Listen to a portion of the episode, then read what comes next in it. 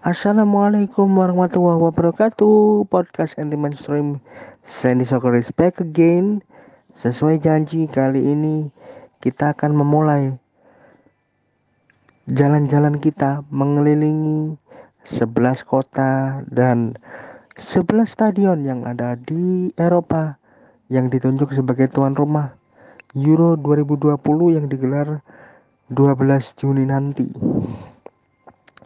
tapi sebelum kita mulai jalan-jalan kita ke salah satu kota yang bersejarah, saya ingatkan dulu bahwa selain podcast ada juga hiburan yang anti mainstream. Kalau teman-teman pendengar podcast anti mainstream dan juga Gibol Susana menyukai game sepak bola virtual, maka ada solusinya. Bisa menikmati sebuah channel YouTube yang isinya game sepak bola virtual. Ada Pro Evolution Soccer dan juga FIFA 21 di sana. Nama channel YouTube-nya adalah Pro Rookie Production. Di sini kita akan melihat untuk PES 2021 bagaimana kiprah Arsenal bersama dengan Steven Gerrard ada di sana. Di mana laga pertamanya di International Champions Cup diwarnai dengan kartu merah. Seperti apa tayangannya semua bisa disimak di channel YouTube Pro Rookie Production. Cari aja di kolom pencarian.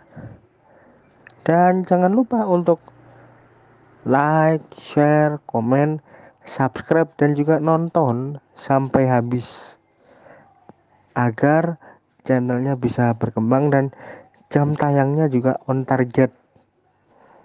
Gitu. Sekali lagi ada channel YouTube Pro Rookie Production. Hiburan anti mainstream lainnya selain podcast anti mainstream seri soccer ini. Oke setelah tadi promo singkat mengenai channel YouTube Pro Production kita kembali ke tour kita. Kali ini kota yang akan kita jelajahi adalah kota Roma.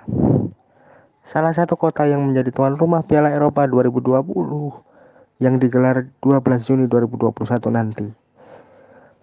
Roma didirikan pada tahun 753 sebelum Masehi. Kota ini merupakan kota dengan populasi penduduk terbanyak ketiga di Uni Eropa dengan Roma Metropolitan Area sebagai kawasan utama yang memiliki jumlah penduduk sekitar 4,5 juta orang.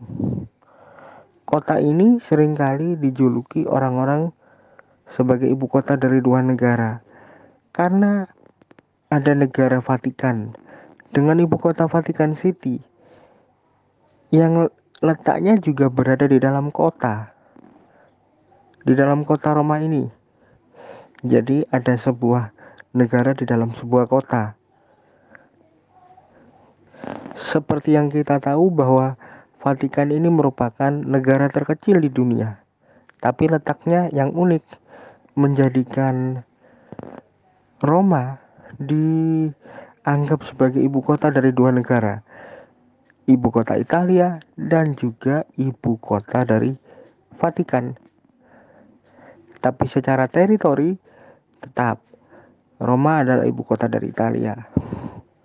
Nah, pada awal penemuannya, kota ini dibangun di atas tujuh bukit.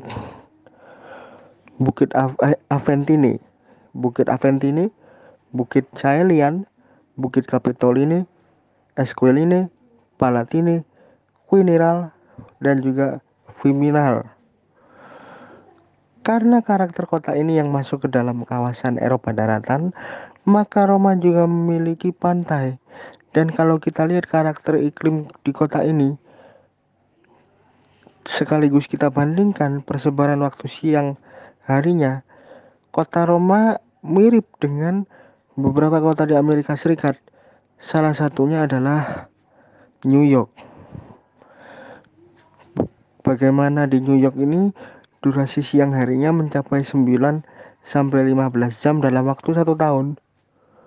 Meski kota ini punya durasi siang malam yang hampir sama seperti New York. Namun secara suhu klimatologi, kota ini bisa dibilang ya cukup ramah.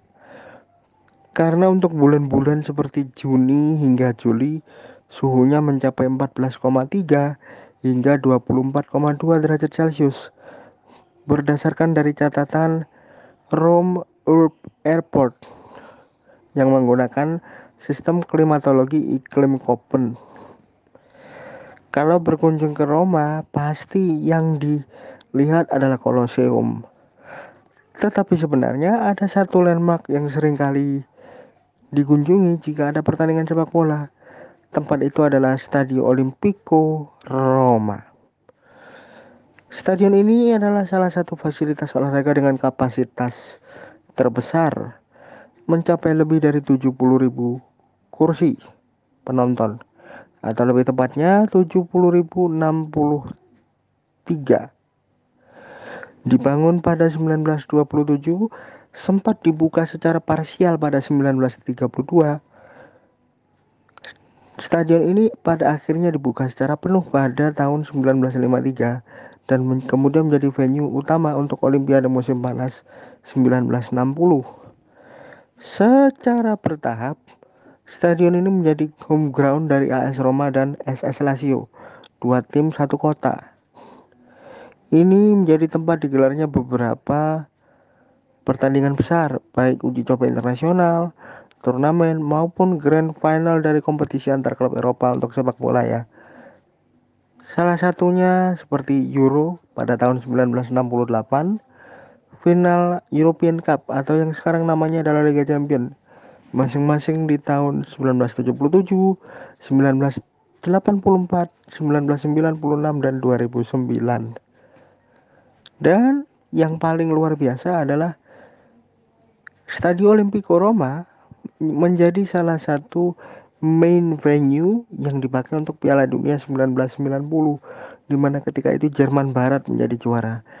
Untuk event lainnya ada Summer Universiade itu olimpiade yang khusus diperuntukkan untuk mahasiswa di dekade tahun 80-an ya, di era 80-an.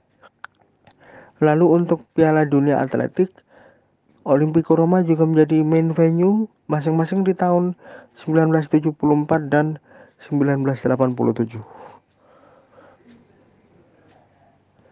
Selain menjadi tempat bagi AS Roma, SS Lazio, dan juga beberapa event lainnya seperti Liga Champions, Piala Eropa. Stadion ini juga menjadi home ground dari tim nasional rugby Italia yang tergabung dalam Seven Rugby. Ya, kalau kita mengenal rugby itu kan ada beberapa negara yang kondang Italia salah satunya lalu ada Britania Raya, Australia, New Zealand dan Afrika Selatan. Untuk tim nasional Italia khusus untuk rugby menggunakan stadion ini sebagai home ground pada tahun 2012 karena sebelumnya ketika Italia belum tergabung dalam Rugby Seven atau Seven Rugby Italia tidak bermarkas di stadion ini, tapi bermarkas di Stadion Femminile. Dan untuk 2021, kembali Stadion Olimpico dipercaya sebagai venue untuk Piala Eropa. Kali ini menjadi laga pembuka di mana tempat ini nanti akan menjadi saksi pertarungan gladiator-gladiator terbaik asal Eropa dan laga pembukanya Italia berhadapan dengan Turki menjadi laga pertama yang akan digelar di stadion ini 12 Juni nanti. So, kita akan tunggu beberapa minggu dari sekarang